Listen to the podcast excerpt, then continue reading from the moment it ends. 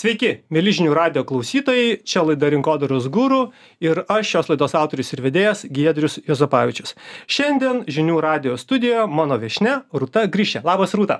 Sveiki, Giedriu. Rūta yra What About agentūros medija skyriaus vadovė. Taigi, kaip suprantate, mėly žinių radio klausytojai, mes kalbėsime na turbūt labai daug apie mediją bet aš taip manau ne tik apie mediją. E, su rūta e, išrinkome laidai pavadinimą ir iš tiesų tema mūsų skambės taip. Kaip svetainės lankytojus paversti pirkėjais? Arba kitaip sakant kaip verslams ne tik atsivesti į savo svetainę tuos suinteresuotus žmones kuriuos jau jūs pagavote internetinėse platybėse bet taip pat kaip ir padarytų tą vadinamą marketingo žargonu konversiją. Arba pirkimą arba nukreipimą žmogui pirkti ir vienokiu ar kitokiu būdu verslams parduoti prekę ar paslaugą. Tai rūta e, gal mes nuo to ir pradėkim. E, iš tiesų turbūt e, konversija yra vienas iš pagrindinių tikslų verslams. Nes na aš taip sunkiai įsivaizduoju verslus kurių tikslas būtų tik atsivesti srautą ir nieko. Nu turbūt informaciniam portalam taip jiem užtenka kad ateitų žmonės pasižiūrėtų ir tokiu būdu įvyksta na tas santykis nes yra parduodama žinia tai yra tu supažindini vartotoją. Verslų atveju mažesnių didesnių kadangi jūsų agentūra turbūt savo a vėlgi krepšelyje turite jų labai įvairių a ar yra tokių verslų kuriems ta konversija yra nesvarbi? Tikrai drįsčiau pasakyti kad nėra. Dėl to kad taip srautą prisitraukti į svetainę yra svarbu tam tikrame etape kuomet yra kaupiamos auditorijos kuomet yra apskritai turbūt įeinama į rinką su nauju prekės ženklu tačiau vėliau vis tiek kampanijos yra optimizuojamos pagrindiniam tikslui tai yra konversijoms ir kaip tą konversiją generuoti realiai kaip prisitraukti naudingą srautą bet ir priversti jį konvertuoti privesti prie konversijos ar ne? Čia jau yra ir mokslas ir menas ir vis viskas viename. Tai gerai dabar mokslas menas ir viskas viename. Tai nuo ko mes? Nuo mokslo pradedam tada? Tai žinoma pradedant turbūt nuo nuo visų pirma testavimo ar ne nuo geriausių praktikų taikymo. Tai yra labai svarbu vėlgi atliepti vartotojo lūkesčius ar ne ką jis nori rasti toje svetainėje kaip jam padaryti svetainę patogią intuityvią ar ne kad jis labai paprastai tiesiog prieitų prie verslui trokštamo e, tikslo ar ne konversijos pirkimo įsidėjimo į krepšelį e, kontaktų puslapio vizito arba formos užpildymo tai labai svarbu vėlgi atliepti e, atliepti būtent vartotojo lūkestį ar ne? Pateikti informaciją labai aiškiai suprantamai pateikti e, raginimo veikti mygtu mygtukus vadinamus tuos call to action ar ne? Tai visas tas vartotojo kelias nuo atėjimo į svetainę iki konversijos atlikimo turi būti lengvas paprastas ir kuo labiau sutrumpintas ar čia yra kažkokia tai universali taisyklė kaip vat tai ką mini E, nuo suradimo iki jau mygtuko paspaudimo to call to action kad čia tikrai nepraleisti kažkokių svarbių dedamųjų nepraleisti kas yra svarbu klientui jeigu tu pavyzdžiui esi visiškai naujas jaunas verslas tik pradedi. Čia kažkoks paruoštukas gali veikti ar vis dėlto čia jau reikia prisitraukti žmogų kuris iš tiesų išmano marketingą ir tokiu būdu na pačioj pačioje įmonėje tu gali tik susidėlioti kad čia nebūtų kažkokių tai tų vadinamų skylių arba pauzių kurios atmuša tą vartotoją iki to atėjimo ir mygtuko paspaudimo konvertuoti. Taip tai iš tiesų tokių universalių taisyklių yra bet jos vėlgi taikomos turi būti vėlgi atsižvelgiant į kiekvieno verslo specifiką į kiekvienos svetainės specifiką kokius produktus parduoda ar ne ar paslaugas reklamuoja kokius komunikuoja apskritai dalykus savo svetainėj tai tas tiesiog turbūt pradžioje verta konsultuotis su specialistais ypatingai investuoti į UX svetainės na būtent dar turbūt dizaino kūrimo stadijoje. E, UX tai user experience tai ta, Taip, ta patirtinė vartotojo patirties specialistais kurie sakykim jau kurdami svetainės dizainą jie jau apgalvoja kaip vartotojas naršys svetainėje kokius elementus kur juos reikia panaudoti ir panašiai. Tai tiesiog pradedant e, pirmuosius žingsnius turbūt e, žengti svetainės kūrimo link jau svarbu pagalvoti apie vartotoją jau tame etape. Nu, bet iš kitos pusės tai ir svetainė yra daroma. Na verslas nedaro svetainės vien dėl to kad turėti svetainę. Gerai anksčiau galbūt tai būdavo tu darydavai svetainę na pliusiuką reikia užsidėt aš ją irgi taip pat turiu kol elektroninių pardavimo dalis buvo na niekingai maža ir jinai būdavo daugiau simbolinė apart tų verslų kurie tik buvo pradėję kurtis internetuose ir ir darė tą jau savo verslą internete. Šiandien dienai dienai ypač po kovido na visi verslai puikiai supranta kad tai yra papildomas srautas. Pas kažką tas srautas yra pagrindinis srautas. Nu ir tu svetainę kurdamas kurdamas ją jau kuri dėl vartotojo. Taip, taip sutinku, bet iš principo mažesni ypatingai verslai, jie šiek tiek mažiau kreipia dėmesio vartotojo patirčiai. Jie labiau tikisi, kad, na, pritrauksim srautą, sakykime, agentūra, su kuria bendradarbiavimo marketingo specialistai pritrauks srautą ir tas srautas jau vartotojas kažkaip jis jau atliks tą konversiją. Tai tipo pasidariau svetainę, užsidėjau pliusiuką, jinai taip. kažkokia labai graži, ar tai unikali sukurta, ar tai panaudota, ten tas vadinamas šabloninis svetainės variantas. Mm taškas aš jį pasidariau o jau toliau specialistai man konvertuokit taip, jau, jau tada atsakomybė eina e, marketingo specialistams, kurie jau, sakykime, dirba su pačiamis reklamos kompanijomis, su kitais kanalais ir nesklaida. E, tačiau reikia suprasti, kad na, pirmame pačiame lygyje turbūt mes turime pradėti galvoti apie vartotoją. Ką ką jis atvestas į svetainę veiks kaip jisai lengvai naviguos ir panašiai nes labai svarbu iš tiesų yra dabar atsižvelgti į vartotoją kuris yra išlepintas nes jis nori gauti gerą patirtį jis nori taupyti savo laiką tai tiek ir atsiskaitymo metodai turi būti mm, turbūt patys patogiausi parinkti, e, sakykime, ta pati vartotojo kelionė nuo krepšelio įsidėjimo į krepšelį iki atsiskaitimo, ar ne? Kuo mažiau žingsnių vėlgi turi būti eliminuoti visa nereikaling, nere, visa nereikalinga informacija. Kaip pavyzdys, mes irgi dirbame su uh, būtinės technikos vienu projektu ir, sakykime, tikrai buvo problema su to conver, conversion rate, konversijos rodikliu, kuris uh, įsidėjimų į krepšelį tiesiog buvo nemažai, buvo pakankamai, tačiau uh, purčiais evento, kuris yra, na, pirkimas, pats pirkimas, tai buvo sakykim kažkur problema mes atlikom testavimą tiesiog ir elementariai pildant visus duomenis vartotojo yra prašoma sakykim lytis kas yra ver, iš verslo pusės nu, visiškai jokio skirtumo. Vertės jokios nekurio žmogui. Vertės. O kuo daugiau tų etapų yra, kiek daugiau informacijos langelių turi vartotojas užpildyti, tuo jam yra, kaip pasakyti, na, apsunkina jį. Ar ne? O jeigu, sakykime, yra įdėkta elektroniniai parduotuviai um, kur automatiškai užsipildo ta pati informacija iš socialinių tinklų pasiima jeigu yra e, paskyros susietos arba sakykim iš paskyros google. Tai kuo daugiau užsipildo automatiškai jeigu dar sakykim yra vieno mygtuko paspaudimas google pay arba apple pay galimybė atsiskaityti tuo mes tiesiog palengvinam vartotojo a, kelionę iki konversijos ir tuo didesnę tikimybę turim kad vartotojas apsipirks pas mus aišku po to yra labai svarbu Mm, ir popirkiminė patirtis, ar ne, kaip ateina patvirtinimas į e-mailą, į, į paštą dėžutę, ar ne, kaip yra pristatymas, ar, ar vartotojas yra informuojamas, kaip pasikeitė jo, sakykime, siuntos statusas. statusas. Taip, tai šitie dalykai irgi yra labai svarbus, tačiau iki apsipirkimo nuvesti, manau, irgi labai yra svarbi dalis kuo labiau optimizuoti, kuo labiau palengvinti vartotojai visą patirtį svetainėje. Ką rodo jūsų patirtis, jeigu reikėtų išskirti tą didžiausią barjerą, ko verslai nepasidaro arba kurioje vietoje va čia užstringa, kad tas atvestas rautas į svetainę netampa konversija, netampa pirkimu. Arba kaip sakėt vat įsideda į krepšelį faktiškai padarė bet na nėra to pirkimo. Čia galima išskirt nežinau yra kažkoks dalykas kuris ryškiai dominuoja tarp mažų verslų ar vidutinių ar didelių nežinau kaip čia kokiu pjūviu būtų galima pažiūrėt tai galbūt mano įžvalga būtų tokia kad mažai kas dar išnaudoja testavimą ir šiek tiek per mažai analizuoja būtent vartotojo visą elgseną svetainėje ar ne daug kas įsidiegia tam tikrus analitinius įrankius tačiau per mažai atkreipia dėmesio kur vartotojas pasiklysta kur jis palieka svetainę ir ir ir tikrai su tuo būtų galima padirbėti labiau mm. o dar kaip mini testavimą tai E, verslai netestuoja svetainių ar atskirų žingsnių? Ką, ką, kas, apie ką mes čia kalbam? Skirtingų nukreipimo puslapių.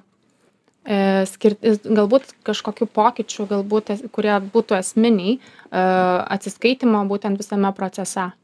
eliminavus arba pridėjus kažkokį elementą tikrai galima pastebėti reikšmingus pokyčius. Um, Plius maži verslai, ypatingai kurie turi didesnį asortimentą, tai dažnai šiek tiek uh, pagaili pateikti informacijos apie patį produktą. Ir nuotrauka yra, Yra aprašymas nuotrauka. formaliai yra. Taip. Nuotrauka yra kažkokia, sakykime, galbūt ne pačios net geriausios kokybės.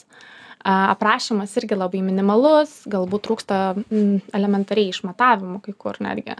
Tai jeigu vartotojas tikrai mato, kad kaina yra gera, kartais nepatingi ir naina paieškoti pas kitus tos informacijos. Tačiau jau čia turim suprasti, kad jeigu vartotojas išeina iš svetainės, tai nu, čia jau yra klaida. Jeigu mes kažko nepateikėme, kažko trūksta, čia mes jau iš karto pateikėm, mm, kaip pasakyt, neišpildom savo e, galimybių, vartotojas išeina kažkur kitur pasiieškoti informacijos ir yra tikimybė, kad jis nebegrįž. Kaip verslui matyti vat, šituos visus praradimus? Ar jie turi per kažkokį įrankį tai gali matyti, ar čia jau reikia specialisto pagalbos? O labai daug ką galima matyti Google Analytics e, paskyroje, e, daug ką galima matyti su to pačiu tikrai labai populiariu įrankiu Hadjar. Tai egzistuoja daug įrankių, bet e, visų pirma, tikrai reiktų išmokyti tais duomenimis e, disponuoti, juos analizuoti, e, galbūt kartais nepabijoti patestuoti ir, ir tiesiog pa, pa, pasverti, kiek tai gražos atneša. Super, judame toliau, mėlyžinių radio klausytai, tie, kurie ką tik prisijungė ir negirdėjo mūsų pokalbio nuo pat pradžių, tiesiog priminsiu, kad čia studijoje laida Rinkodaros gurų ir šiandien e, aš kalbinu Rūtą Grįšę, Vatabout agentūros medijos skyriaus vadovę ir mes kalbame apie internetinės svetainės, apie internetinių svetainių lankytojus, kaip juos e, prisikviesti, kaip juos paversti pirkėjais tam, kad verslas, kaip sakoma, turėtų kuo geresnį rezultatą. Apie rezultatą. Tai ką verslai matuoja, jeigu mes kalbam apie internetinės svetainės, ką reikėtų matuoti ir kodėl? Labai priklauso nuo verslo paties, ar ne? Tai jeigu mes kalbam apie e-komerciją, apie projektus, kuriems yra svarbu generuoti pajamas tiesioginės iš savo elektroninių parduotuvių, tai turbūt svarbiausi dalykai yra konversijos rodiklis, kaina, vidutinė kaina už konversiją na, ir mm, reklamos graža, tas vadinamas ROAS. Tai yra pagrindiniai turbūt mm, vadinami KPI'ai arba metrikos, kurias ve- verta ir būtina sekti. Tai jeigu apie kiekvieną labai trumpai, tai kaip mes kalbam apie mm, kon- konversijas, tai tiesiog kiek turime pirkimų, turbūt taip. Tai yra ne kiekis, tai yra labiau, kiek mes atvedame srauto ir kiek iš to srauto tampa jau klientais, ar ne, kiek konversijų iš principo sugeneruoja tas srautas. Tai yra santykinis rodiklis. Taip. A, čia yra kažkoks, nežinau, vidurkis ar, ar pagal verslo dydį, na, priimtinas procentas, kas jau skaitoma, kad yra gerai ir kas yra blogai. Ar čia vėlgi labai individualu pagal verslus? Tai individualu, elektroniniams parduotuvėms iš principo mm, nuo 4 procentų, sakykime, tai yra jau, jau geras rodiklis. Jeigu 4 procentai atve- atvesto srauto patampa pirkėjais, perka vieną paslaugą arba produktą, tai yra jau super. Taip, taip. Tačiau, aišku, e, 4 procentai tai yra labiau mokamams rautai. E, Organinės paieškos atvesto, varto, atvesto srauto e, konversijos rodiklis turėtų būti aukštesnis, gali būti ir iki 8 procentų ir didesnis. Tai priklauso vėlgi nuo, nuo paties e, prekės ženklo, kiek jis yra įdirbio padaręs ar ne, koks yra jo prekės ženklo žinomumas rinkoje. Tai jeigu, sakykime, kalbame apie kažkokį startuolį, tai tikrai pradžioje ne, neverta tikėtis tokių rezultatų, labiau jau įdirbį padarius galbūt po, nežinau, pusę, pusės metų ir vėliau. tai Kai žinomumas geras. bus Taip, taip, taip. e, subildintas arba pastatytas. Taip. Kitas rodiklis buvo vėl tas ruasas, tai jeigu labai trumpai apie jį, tiem, kas pirmą kartą girdi, Taip, tai jeigu iš anglų kalbos išvertus, tai tiesiog yra investicijų graža, ar ne, return of ad spend. Tai e, vėlgi kiekvienas verslas turi savo skirtingus maržingumus ir turi matuoti apskritai, kiek e, vienas investuotas euras jiems atneša gražos. Kitu atveju e, gali dvi pusės nesusikalbėti. Verslas ir marketingo ar ne e, komanda gali tiesiog ne, nerasti to bendro vidurkio, tai verslas turi suprasti tiesiog, kad viską reikia pamatuoti. Pamatuoti ir reklamos gražą. Ir čia turbūt labai svarbu kad e, kai tu nori pamatuoti reklamos grąžą tu esi priverstas pasidaryti tuos namų darbus nes tu vis dėlto turi žinoti ir savikainas kiek tau tas produktas kainuoja nes kitokiu atveju na tavo skaičiai bus labai labai netikslūs. Taip taip tikrai taip. Dėl to kad na iš principo kiekvienas verslas turi savo skirtingas maržas ar ne ir produktų lygmenyje ir sakykim kategorijų lygmenyje tos maržos gali varijuoti tai tiesiog tam tikrus namų darbus turi jau verslas pasidaryti kad e, būtų galima įvertinti kada yra jau tas slenkstis kada reklama jau ant nulio ar ne sakykim generuoja ir kada jau pa pasiverčia į tam tikrą grąžą. A, Rūta, žinai, pastoviai iš tiesų ypač mažesni verslai, na, užduoda tą tokį ir per konferencijas, ir susirašinėjimuose labai tokį paprastą klausimą. Ar šiandien dienai dar įmanoma kažką uždirbti ir turėti srautą vien tik tai iš organinio srauto. Tai yra na to ne su papildomais pinigėliais papildomomis reklamomis atvesto srauto um, iš principo tikrai organinis srautas gali generuoti didžiąją dalį konversijų jeigu yra dirbama su seo tačiau mokama reklama mokamos reklamos kanalai vis tik jie padeda e, konkuruoti, nes na, rinkos konkurencingos, labai nišinės galbūt tam tikros industrijos tikrai e, gali daugiau iš organinės paieškos generuoti, tačiau m, mm, kalbant apie e-komerciją, kuomet yra tikrai rinka sakykime, perpildyta rinkos dalyviais, e, konkurencija yra didelė, tai tik su organika turbūt būtų sunku, ypatingai įeiti į rinką. Mhm. Nes su organika, na, e, prekės ženklo žinomumo ne nepastatysi ne ne neišvystysi Čia priminsiu tiem žinių radio klausytojams, kurie norėtų daugiau sužinoti apie SEO, tai tiesiog įlyskite į rinkodaros gūrų archyvą žinių radio laidų archyvę, ten rasite puikias, kaip tik nesenai išėjusias laidas su Simonu Naudžium. Mes kalbėjom apie SEO, apie SEO optimizavimą, ką reikia daryti, nuo ko verslam pradėti, manau tikrai daug vertingų patarimų. Nu, o rūta, tai tada jeigu žiūrėtumėm vėlgi tokią situaciją, tai ar reiškia, kad jeigu verslas, nedidelis verslas neturi biudžeto, tai tas rezultatas apie kurį mes kalbėjom kad jis būtų geras realiai yra pasmerktas ne tikrai ne nėra pasmerktas tiesiog kuomet mes turim a, mažesnį disponuojamą marketingo biudžetą reikalinga daugiau kūrybinių sprendimų. tai, turinio kūrimui. Tai taip, tiek, tiek turinio kūrimui, tiek turbūt ir pačių uh, mokamos reklamos kompanijų taktikų, strategijų išnaudojimas.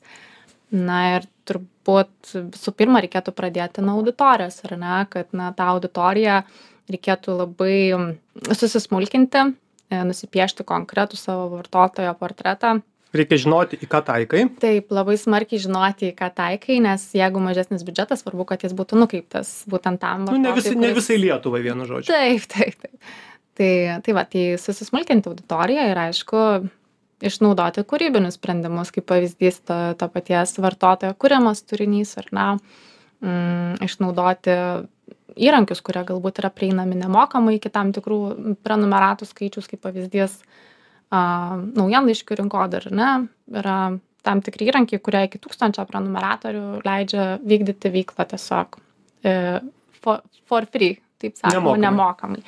Ar ne? Tai tai išnaudojant tokius e, įrankius galima pasiekti tikslinę auditoriją ir, ir šiek tiek staupyti e, marketingo biudžetus, e, kas taip pat labai svarbu, vėlgi reklamos biudžetą investuoti į tuos kanalus, kurie labiausiai atsiperka, kurie jau generuoja tą pačią konversiją. Kaip verslui sužinoti, kurie kanalai jam yra efektyviausi ir kurie jam generuos konversiją, ar tai reikia remtis kažkokių panašiomis praktikomis bendru žinojimu nes jeigu jie to nedarė tai Jeigu nedarė, yra šiek tiek sudėtingiau, nes na, visą laiką geriausia praktika yra remtis istoriniais duomenimis. Savo duomenimis. Savo duomenimis, tačiau, aišku, bendradarbiavant su agentūra tikrai yra specialistai, kurie rinkoje yra ne vienerius metus, kurie gali konsultuoti, patarti ir, sakykime, parengti tą uh, kanalų sąranką, kuri geriausiai atlieptų konkrečiai verslo tikslus. Dideli verslai susiduria su kita problema, nes jiem dažnai vat, reikia vėlgi apsiginti biudžetą, okei, okay, prieš vadovą, prieš vadovams, prieš kitiems ir valdybas. Reikia tos biudžetus didinti arba mažinti tam tikrų e, akcijų metu. Tai kokie čia galėtų būti tokie racionaliausi patarimai, kai mes kalbam, na jau ne apie mažytį verslą, kuris, vat, kaip minėjai, eksperimentuoja, ieško, jungia savo kūrybiškumą, remiasi patirtimis, na tobulai, jeigu turi agentūrą, kuri gali patart. Taip. Na, tai čia, kai, kai jau kalbama yra apie didelius biudžetus ir didelius verslus, tai visi sprendimai turbūt yra priimami labai smarkiai apžvelgus, pasvėrus ar ne kiekvieną eilutę. Ir turbūt geriausia praktika yra apskritai ruošti tam tikras projekcijas, kiek verslas investuodamas į tam tikrą reklamos biudžetą uždirbs pajamų, ar ne? Tai tikrai uh, analizuoti istorinius uh, duomenis, kurie padėtų įvertinti, kiek ateityje, uh, sakykime, galima generuoti pajamų, galima generuoti verslui gražos. Ir ką dar turbūt vertėtų pabrėžti kad e, tik istoriniais duomenimis mes remtis negalim turim apskritai įvertinti ir rinkos kontekstą e, konkurencinę aplinką pasikeitusią vartotojų elgseną kuo rinka dabar gyvena ar ne kas yra svarbu. Ir būtent taip planuoti planuoti biudžetus mieli žinių radijo klausytojai štai tiek. Mano manymu visa puokštė jums patarimų ir mažiem versliukam ir dideliem verslam kaip elgtis kaip padaryti kad jūsų elektroninės parduotuvės na ne tik būtų gražios mielos jums patiems o atvestų srautą ir tas srautas konvertuotų jums į patarimus. Čia šiandien žinių radijo studijoje buvo mano viešnia rūta grišė whatabout agentūros media skyriaus vadovė. Ir aš giedrius juozapavičius su ja kalbėjausi apie tai kaip svetainė svetainės lankytojus paversti pirkėjams. Kas nespėjot, paklausyti šią laidą visada galėsite žinių radio archyve, ten jau daugiau negu 200 įvairiausių laidų marketingo žmonėms. Na, o aš dėkoju Rūtai už dalyvavimą, o jums sakau viso geriausio, susitiksime po savaitės.